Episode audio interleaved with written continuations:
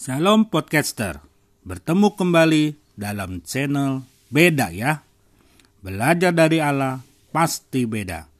Pembahasan kali ini terambil dari firman Tuhan Yohanes 15 ayat 1 sampai 6.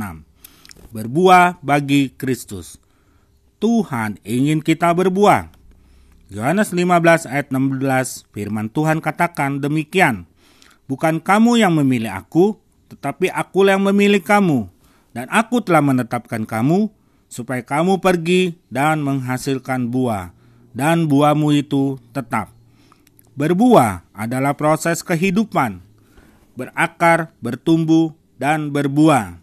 Yesus menggambarkan dirinya sebagai pokok anggur yang benar, dan kita adalah ranting-rantingnya.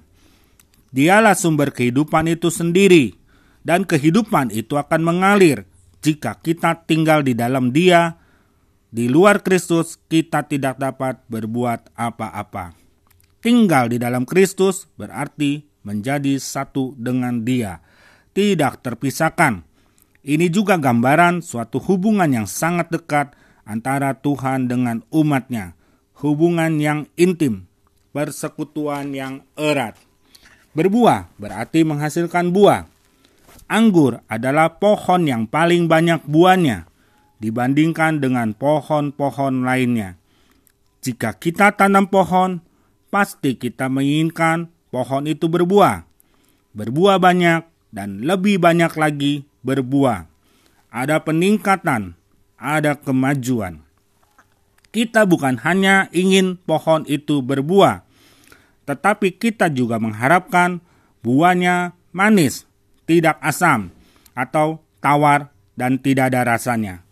Buahnya juga kita inginkan besar, berbuah tetap, terus-menerus berbuah, tidak sekali-kali berbuah, atau berbuah tanpa musim, tanpa batas, berbuah terus-menerus. Inilah yang Tuhan kendaki. Dia tidak puas lihat keadaan kita. Dia ingin kita menjadi berkat, berguna bagi banyak orang, berkarya bagi Dia, dan namanya dipermuliakan. Amin.